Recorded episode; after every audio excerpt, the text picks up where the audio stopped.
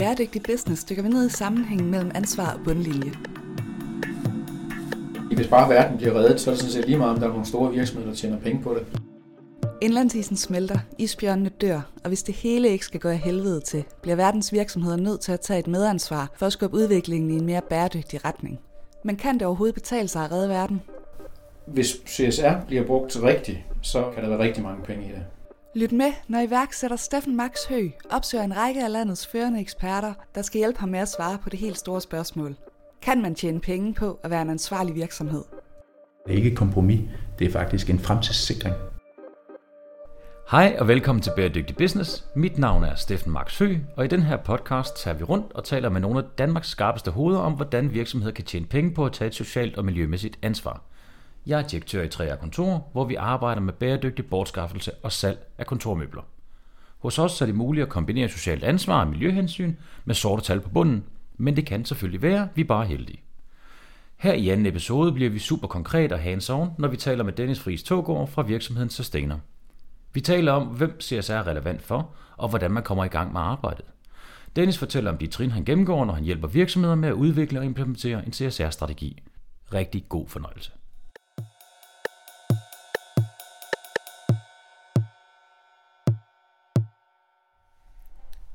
Jamen hej Dennis, og mange tak fordi vi må komme forbi og optage en podcast om øh, Sustainer, som er din virksomhed, og hvordan I arbejder med at hjælpe jeres kunder med at udvikle en CSR-strategi. Så kan du ikke øh, starte med at fortælle lidt om dig selv og om Sustainer? Jo, det kan jeg sagtens, og velkommen til. Ja, øh, Sustainer, det er jo en, øh, som du siger, en konsulentvirksomhed, der, der hjælper danske virksomheder med at arbejde med, med CSR og samfundsansvar. Og det er jo, øh, altså det er sådan en, en lidt svær størrelse for virksomheder at arbejde med CSR. Øh, vores take på det, det er, at man, man skal bruge det som en strategisk værktøjskasse, og så kan man, ligesom alt muligt andet, man bruger i virksomheden, og så kan man bruge det til at udvikle sin virksomhed med. Ja, for der er jo resten meget snak om CSR, at, at nogen mener, at man kan lave øh, penge på at have en god CSR-strategi, mm. andre mener, at det er en stor udgift, men i det hele taget er det jo et kæmpe område at gå i gang med for en virksomhed, som bare tænker på helt klassisk, lave et godt produkt, mm. levere det til tiden, have en fornuftig pris. Det har været, i lang tid jo været nok til at drive en god forretning. Det kan man sige. Øh, og det er det vel i princippet stadigvæk, men øh, man skal bare lige tænke nogle andre parametre ind. Altså det er jo ikke fordi, at CSR revolutionerer sådan hele erhvervslivet. Øh, I hvert fald ikke på den korte bane. Der er selvfølgelig en masse idealister, der synes, at, at der skal ske en hel masse ting, men altså vores take i systemer, det er jo sådan på, at bruge det som en, en strategisk udvikling, og, øh, og så tjene penge på det ved at, at bruge det smart. Så du er ret enig i, at der er penge i CSR? Hvis CSR bliver brugt rigtigt, så øh, kan der være rigtig mange penge i det. Og hvordan gør man så som virksomhed, hvis man kommer til Sustainer og har brug for noget hjælp til at udvikle en CSR-strategi? Det kommer lidt an på, hvorfor man kommer til Sustainer. Det, det synes jeg måske er, er vigtigt lige at, at tage først, hvor, hvorfor man egentlig skulle, skulle begynde at arbejde med CSR. Ja. Fordi der er sådan lidt forskellige take på, hvad, hvad man så skal, øh, og hvad der giver mening at lave. Ikke? Øh. Man kan sige, at nogle virksomheder, de, øh, de arbejder med CSR, fordi at de har for eksempel nogle store kunder, de er B2B virksomheder, og de har nogle store kunder, som øh, begynder at, at kræve, at man arbejder med altså CSR bredt set. Det kan være miljø og klima og menneskerettigheder og antikorruption og sådan noget. Øhm, og så for ligesom at, at beholde de her store strategiske kunder, så bliver virksomheden nødt til at sige, okay, jamen, så begynder vi at lave et eller andet.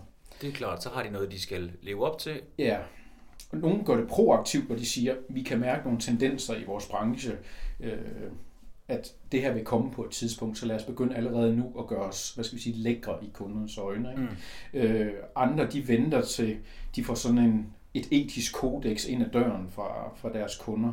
Og så siger de, okay, der var lige øh, 717 krav, vi skulle leve op til, ikke? Og hvordan gør vi så det? Og så ringer vi efter Sustainer.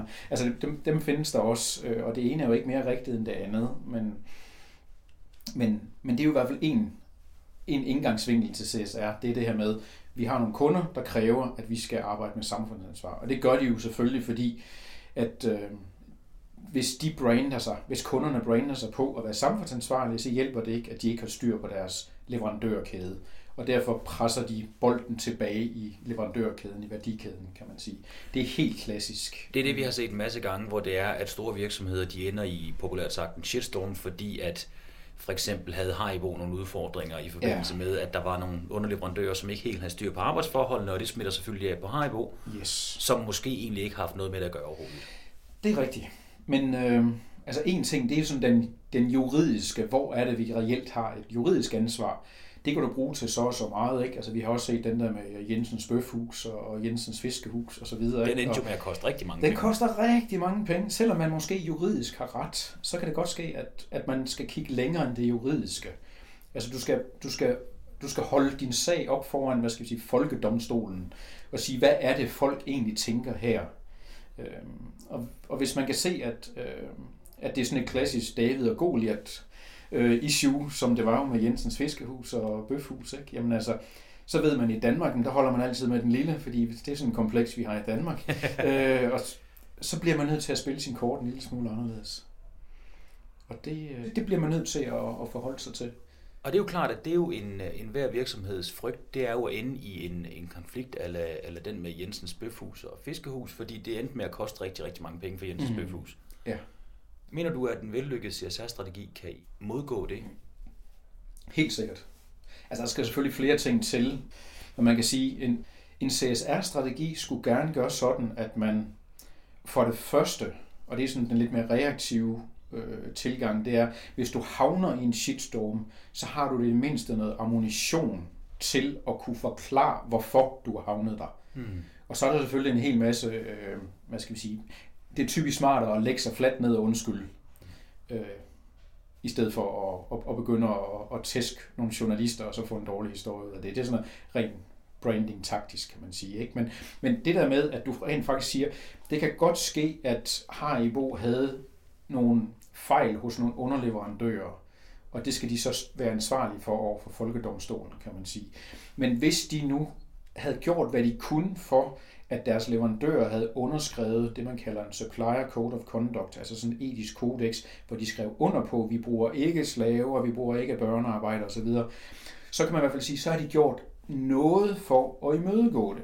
det er, de er stadigvæk havnet i shitstorm, men de kan i hvert fald komme med en forklaring på, at vi havde faktisk gjort mere eller mindre, hvad vi mente var praktisk muligt. Så det er sådan den ene ting af det. Mm. Den anden ting, og det er jo selvfølgelig den bedste, det er, kan du gøre et eller andet, så du overhovedet ikke havner i den der shitstorm. Altså, og det kan de jo, hvis de laver, for nu, nu snakker vi leverandørerne her, ikke? Altså, det kan de, hvis de laver leverandørstyring sådan, at de faktisk ikke bare sådan pseudo har styr på deres leverandører, men reelt har styr på deres leverandører. Altså vi ved, hvor er det risikoen ligger i deres leverandørkæde. Og når de har identificeret risikoen, så kan de begynde at arbejde med den risiko og finde ud af, hvordan er det så, vi gør leverandørerne bedre og sørge for, at de ikke har børnearbejdere og slaver osv. Det er rigtig spændende. Det kunne være interessant at vende lidt tilbage til de her typer af kunder, som henvender sig til jer, øh, eller henvender sig til Sustainer i forbindelse med at få, øh, få hjælp til at udvikle deres CSR. Så der er selvfølgelig de her kunder, som øh, har en, øh, en stor kunde, som stiller nogle krav til, at de skal kunne leve op til nogle kriterier inden for CSR-spektret. Er der andre typer af kunder? Ja, det, det er der. Øh, en voksende gruppe, det er, det er virksomheder, der laver det, man kalder employer branding eller employee branding. Det kaldes begge dele. Altså virksomheder, som, som arbejder inden for nogle felter, hvor de skal have tiltrukket nogle kompetencer, altså nogle nye medarbejdere, øh, som måske øh, er en mangelvare på markedet. Og dem findes der jo rigtig mange af i øjeblikket. Altså der er jo rigtig meget mangel på, på dygtige medarbejdere i øjeblikket. Ikke? Og der kan CSR, en der, kan, der, der kan CSR bruges, fordi altså, specielt hvis du snakker om de, eller taler om de, de yngre medarbejdere, øh, det man kalder millennials. Øh, jeg plejer at sige, på den ene side er de ekstremt egoistiske og selvcentrerede. Det er jo dem, der laver selfies og øh, i selv, selv i scene sætter sig på Instagram og så videre. Ikke? Altså, de er jo, altså, de er jo gået tilbage til før Copernicus, at nu er det jo, det er jo dem, der er centrum i verden. Ikke? Altså, øhm, på den ene side. På den anden side er de det, man kalder born global. De, altså, de har simpelthen hele verden som deres, øh, deres legeplads. Så de ved udmærket godt, hvad der findes af nød og elendighed ude omkring i verden. øh, og så er de ekstremt værdidrevet. Og det betyder, at den kombination af egoistisk værdidrevet og, og, og verdensborgere, at alt hvad de foretager sig, vil de gerne have, at det afspejler deres egne værdier, og de skulle gerne kunne selv i scenesætte sig med de her fjer, de her værdier. Det vil sige, hvis de er ude og købe et par cowboybukser, skal det gerne være nogle cowboybukser, der afspejler den her værdi, som de gerne vil have, og det er meget ofte bæredygtighed, altså det er den sociale indignation og så videre, ikke? altså pas på verden, miljø, klima og menneskerettigheder. Så er der lys forude med Så er der lys. Det er, det er lige nøjagtigt. Og, og det betyder så, at hvis du vil ind og, øhm, og tiltrække dem som medarbejder, så nytter det ikke noget, at du kun har nogle fine værdier på papiret. Du skal faktisk også reelt gå ud og vise, at du lever de her værdier. Så du skal være en virksomhed, som jeg som ny medarbejder vil være stolt af at arbejde i. Hvad med de lidt ældre? Der er helt klart nogle segmenter i markedet, hvor der er nogle ældre som os, øh, som også tænder på at arbejde i en virksomhed, hvor jeg kan se, her er der et overlap med mine personlige værdier, altså et purpose. Øh, det taler man jo rigtig meget om inden for ledelseslitteraturen ja, lige nu, at, at virksomheder skal være mere purpose-drevet. Ja. Spændende. Rigtig interessant at høre om de øh, kundegrupper, som I arbejder med i Sustainer i forhold til at udvikle CSR-strategier. Hvem har I ellers arbejdet med? Altså, der er jo der er eksempler på, øh, på virksomheder, som er, er ejet af kapitalfonde, øh, som faktisk kræver, at, at, at deres porteføljevirksomhed øh, er meget struktureret omkring CSR. Og det lyder lidt, lidt modintuitivt, kan man sige, fordi kapitalfonde og så videre, de bliver typisk set som de her kapitalfokuserede gribe. Øhm, men det er jo netop fordi, at der er lavet så ufattelig mange undersøgelser, både i Danmark og i udlandet, der viser, at hvis du arbejder struktureret med samfundsansvar, så giver din virksomhed også bare et højere øh, finansielt udbytte. Og det er jo et fantastisk argument over for virksomheder. Ikke? Og det er jo derfor, at kapitalfonden gerne vil have de her virksomheder, eller kræver, at de bliver skarpe på CSR, fordi så får de højere udbytte af deres investering. Så det er der faktisk også en, øh, en hel del øh, virksomheder. Ja, der kommer flere og flere, fordi vi kommer til at se rigtig mange virksomheder, der skal generationsskiftes her de næste 5-10 år i Danmark. Og de skal alle sammen, eller de fleste, have tilført en eller anden form for ekstern kapital. Og der vil vi se et meget større krav om, om struktureret arbejde med CSR. Øh, en, en anden gruppe, som er, øh, som er meget stor i øjeblikket, øh, og som, som er, er vores hovedfokus, det er de 12-1300 største danske virksomheder. Det er nemlig sådan, at, øh, at fra EU side er der lavet et, et direktiv, der siger, at alle store europæiske virksomheder skal rapportere på det, man kalder ikke-finansielle data. Og det er CSR, det er samfundsansvar. Og det, det er som en del af deres årsrapport, øh, en del af, af ledelsesberetningen. Så her snakker vi om den lovpligtige del, at der er rent faktisk en lovpligtig del i forhold til rapportering af det ikke-finansielle hele CSR-delen yes. for de 1300 største virksomheder. Der er rigtig mange af de 1300, der ikke engang ved det endnu, men der, der ligger simpelthen et, et lovkrav, som de skal til at, at, at udfylde, og det er ikke noget med, om de vil eller ej, det er bare noget, de skal, kan man sige. Heldigvis man kan altid diskutere, hvad der kommer fra EU, om det er så smart. Det er der noget, der er smart, noget, der ikke er smart. Den her lovgivning er faktisk pisse smart. Den er smart på den måde, at den er business-wise. Altså den, den er simpelthen, den måde, vi arbejder med virksomheder, som ikke er underlagt den lovgivning her, er faktisk fuldstændig det samme som den måde, vi arbejder med dem, som er underlagt lovgivning. Så den er taget ud fra, hvordan kan man forretningsudvikle en virksomhed og arbejde med samfundsansvar. Så det er faktisk en klog lovgivning. Det er ikke det er ikke bare sådan en administrativ hemmesko. Nogle virksomheder vil selvfølgelig sige, vi var ikke lige klar til det her, men so be it. Men det er, hvis man bruger lovgivningen smart, så kan man bruge den til både til omkostningsminimering, til risikominimering, til branding og forretningsudvikling. Og det er ligesom de fire hovedområder, som man, man siger, CSR fokuserer på. Meget interessant. Hvordan arbejder man så, når man får en af de her typer kunder ind i virksomheden? Hvordan, øh, hvordan griber man det an, det her ret store område? Ja, altså man kan sige alt efter, hvad, hvad det så var for en indgangsdør, eller hvorfor mm. de, de, øh, de tænker, de skal arbejde med CSR. Så er der nogle forskellige knapper, man trykker på, men, men generelt set, så gælder det jo om at, at tage mystikken ud af CSR. Altså få det ned på jorden, få det til at være ledelse som så meget andet. Det er bare nogle andre værktøjer, der ligger i værktøjskassen, kan man sige. Ikke? Så, så vi plejer at, at sige, først bliver vi nødt til lige at finde ud af, jamen, som sagt, hvorfor er det, I, I gerne vil arbejde med, med CSR, samfundsansvar. Øh, så går vi ind i sådan en, en fase, hvor vi, hvor vi afdækker en hel masse, får en masse viden, øh, det vi kalder assessment. Så ud fra det, så, så sætter vi simpelthen sådan en, en prioriteret øh, liste, altså de lavt hængende frugter, hvor giver det mening at arbejde inden for CSR. Altså vi laver simpelthen en CSR-strategi. Øh, og så helt klassisk, så implementerer vi så det, der nu skal implementeres. Øh, og så til sidst skal det så kommunikeres. Og det kan enten være, fordi man gerne vil brands over for medarbejdere, over for kommende medarbejdere, over for kunder, over for investorer. Det kan også være det, man kalder rapportering, hvis det er noget, hvad skal vi sige, obligatorisk eller lovmæssigt, der er noget, man skal opfylde. Ikke? Og det, det, det giver jo et godt overblik over hele den her proces, som man går ind i. Men noget, jeg tænker, der må være rigtig svært, det er, hvordan kommer man ind i en virksomhed, som man jo af gode grunde ikke kender super godt, mm. Og finder ud af, hvor man skal sætte ind henne. Fordi CSR dækker jo over arbejdsforhold. Det kan jo være certificeringer. Ja. Det kan jo være et spørgsmål om, hvor mange kvinder, der er ansat i bestyrelsen. Mm. Der er jo et hav af muligheder. Ja. Hvad sætter man ind på? Altså, man kan meget nemt drukke i ja. ufattelig mange detaljer, ikke? fordi hold nu fast, man kan gøre mange ting. Mm. Men bare fordi man kan gøre en masse ting, betyder det ikke, at man skal gøre en masse ting. Og de ting, man skal, skal man nødvendigvis ikke gøre på samme tid. Så, så det gælder det er jo, det er jo, det er jo noget med en prioritering. Altså det er noget med at sige, hvad giver mening lige nu, fordi vi enten kan spare nogle omkostninger, vi kan minimere en risiko, vi kan brande os på det, eller vi kan lave noget forretningsudvikling. Og så må vi finde ud af, hvad giver mening at gøre først. Og det er vel også der, man kigger meget på den konkrete virksomhed og deres specifikke produkt, og hvad det er for et aftryk, de efterlader. Yes. Fordi det er vel ikke en one solution fits all. Overhovedet ikke. Altså det, er jo, altså, det skal man jo virkelig passe på med. Bare fordi ens konkurrent har gjort et eller andet, eller man har hørt en anden pissedygtig virksomhed gøre et eller andet, så er det ikke nødvendigvis det, jeg skal gøre som virksomhed overhovedet, som i overhovedet. Altså, du kan godt have to forskellige CSR-strategier, som er vidt forskellige, men som passer perfekt til den virksomhed, der har dem.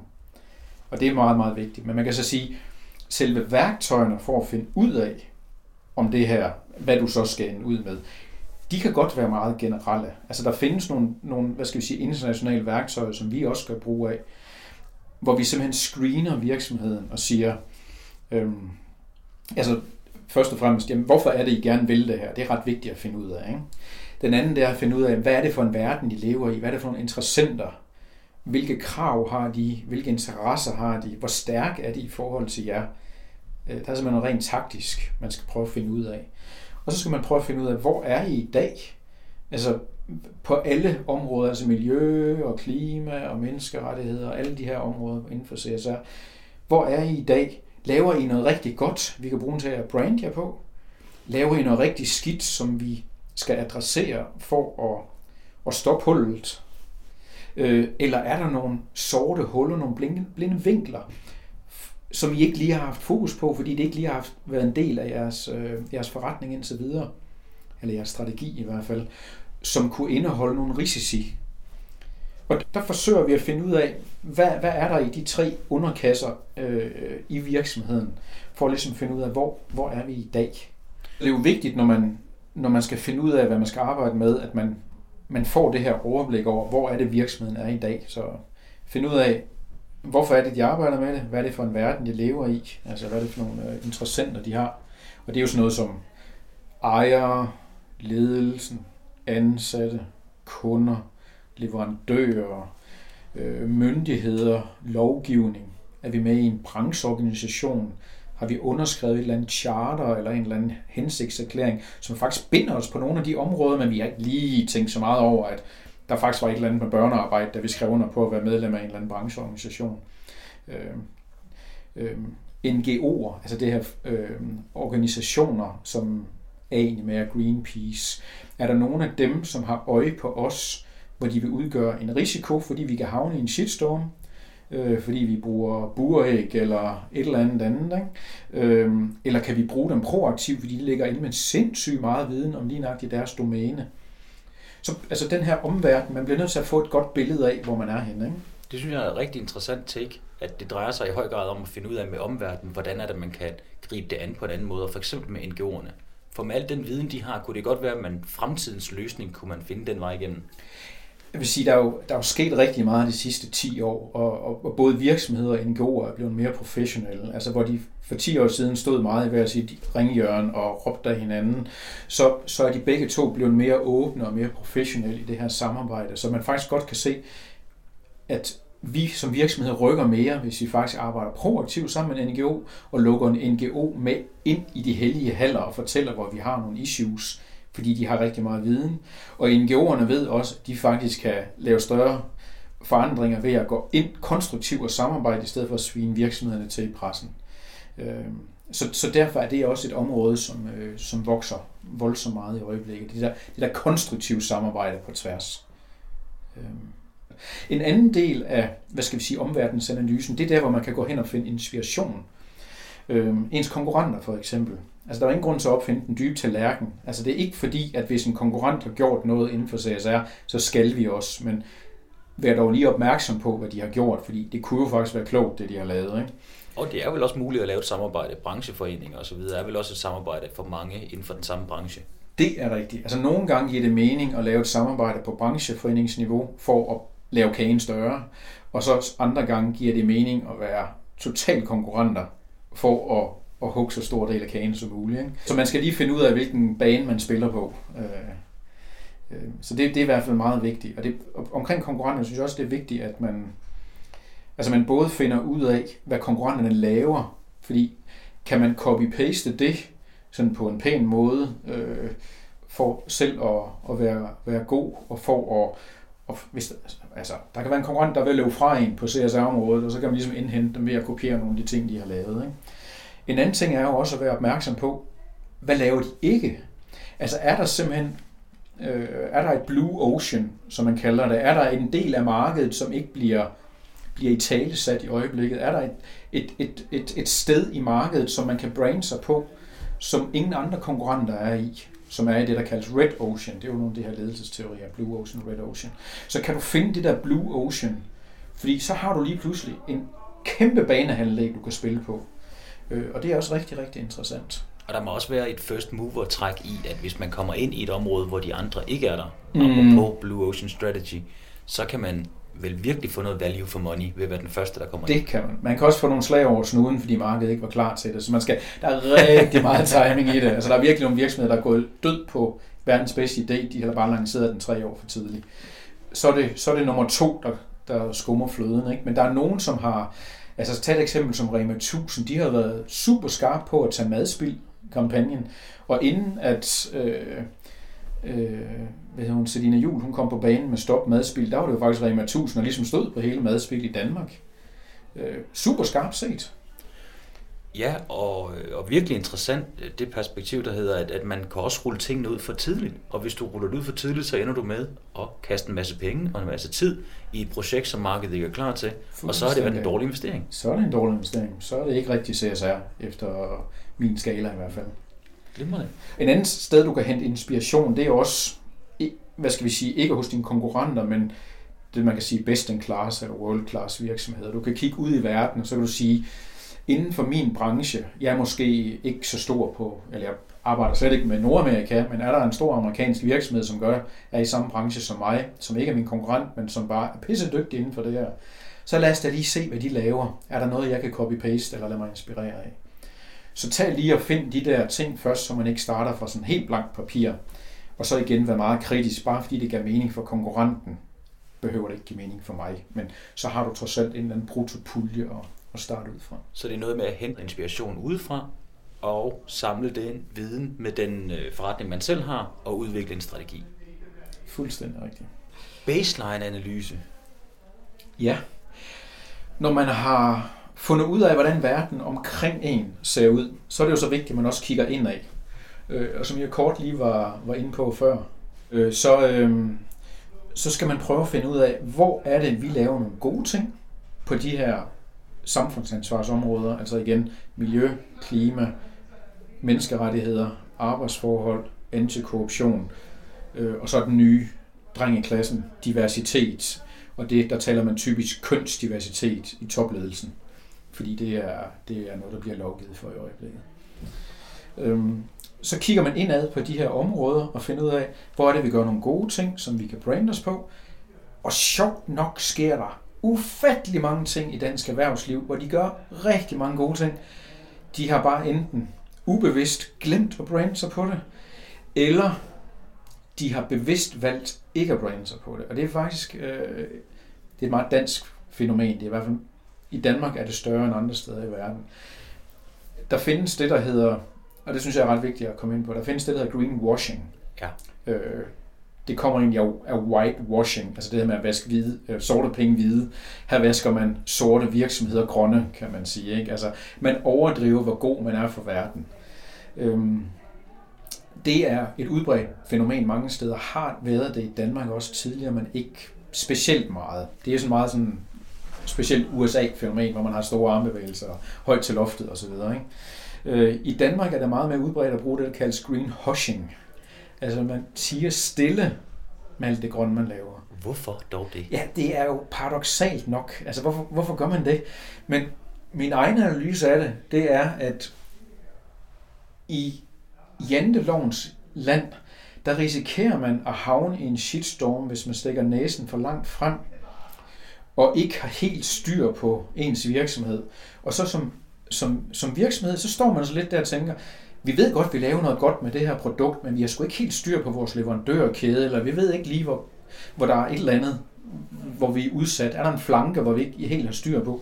Og indtil at man får det der basale på plads, du får den der, det der risikobillede af, hvor er det faktisk, vi laver nogle gode og dårlige ting, så tør du ikke gå ud og brande dig på noget enkelt, fordi det kan komme 10 gange tilbage på dig, og du kan havne i en shitstorm. Øhm, Men det, det giver da også virkelig god mening, at man lige venter med at gå ud, god mening. indtil det er, at man har fuldstændig styr på, hvad gør vi, der er godt, og ja. hvad gør vi, der er knap så godt. Lige nøjagtigt. Øh, og fordi det er jantelovens land, øh, hjem, hjemsted, ikke? så, øh, så er den der risiko bare endnu større. Så det, det giver rigtig, rigtig god mening. Og mange virksomheder har så oveni den der med, jamen, vi er jo ikke samfundsansvarlige, vi er bare købmænd, eller vi er bare producenter, det har vi altid været. Og derfor har de svært ved at se sig i den rolle som dem, der er ude og i gåsøjen frels verden. Øh, så, så der er også noget, der er nok en kulturel udvikling. Men man kan sige, når, når de kommer øh, ind til os i Sustainer og kommer igennem hele den her proces, så får de jo det der grundlag, de får overblikket over, hvor er det, vi laver gode ting, hvor laver vi dårlige ting, og hvor ved vi ikke ret meget.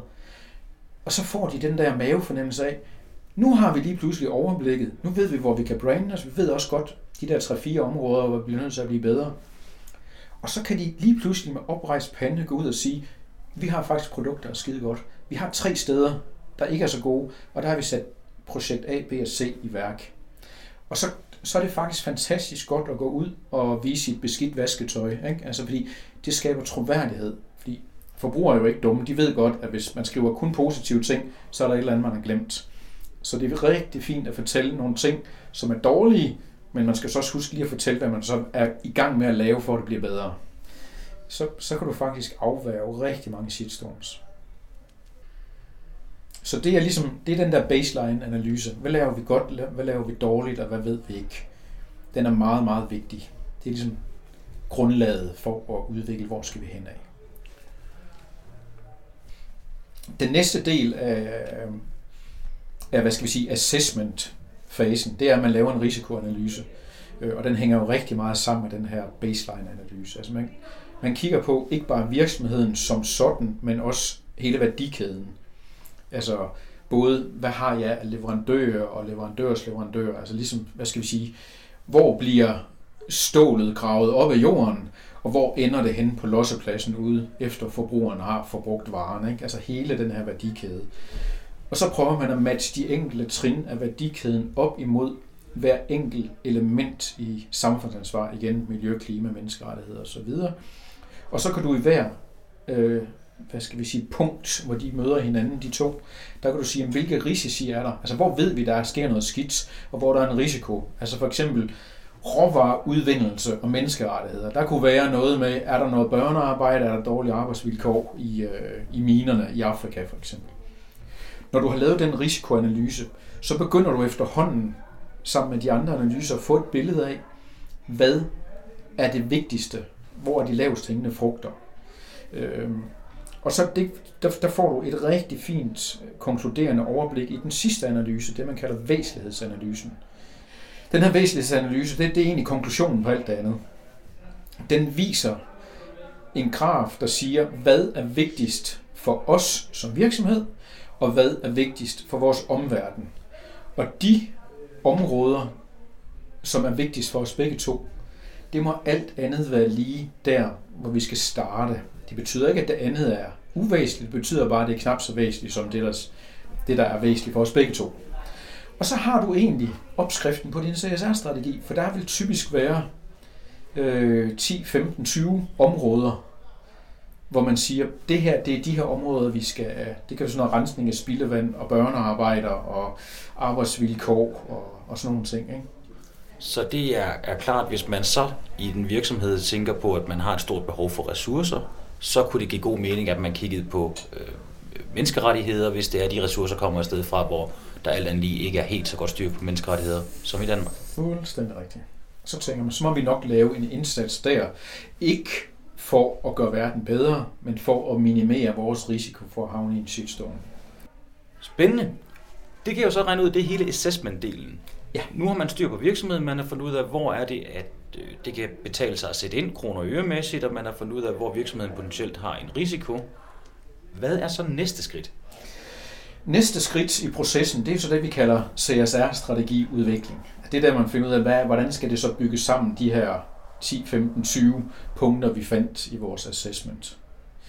Øhm, og der er det i hvert fald vigtigt, at man hele tiden kobler det op på virksomhedens, hvad skal vi sige, rigtige i gåsøjne forretningsstrategi. Hvor er det virksomheden på vej hen? Hvad vil den gerne? Fordi CSR skal jo lige nøjagtigt være en støtte til den strategi, og optimalt skulle den gerne smelte totalt sammen, så der ikke er noget, der hedder en forretningsstrategi og en CSR-strategi, men du har bare en strategi. Men alt andet lige, så må man da også komme ud til nogle virksomheder med en 50 mennesker ansat, hvor at de har en rimelig god idé om, hvad deres produkt er, og at de har en fin forretning, og det kører, men vision og mission er måske ikke sådan helt i talesat. Og... Ja, det er, jeg vil sige, det er meget typisk, at øh, selv meget veldrevne virksomheder måske ikke har været super dygtige til at i talesætte deres, for eksempel deres purpose eller mission øh, deres formål. Og der bliver hele den her CSR-øvelse jo egentlig også en øvelse i, og ikke nødvendigvis at opfinde den, men få i talesat den, få den formuleret. For det er jo ikke fordi, vi skal til at opfinde noget nyt. Vi skal bare finde, vi skal finde essensen i virksomheden. Hvad er det egentlig, I laver? Hvorfor er I her i det hele taget? Så det meget ofte er det første gang, man ligesom får skrevet det ned på papir, og du får sådan en aha-oplevelse, sådan en, wow, ja, det er sgu da derfor, vi er her. Ikke? Altså, det er jo sådan en lille sidegevinst, at, den faktisk kommer med.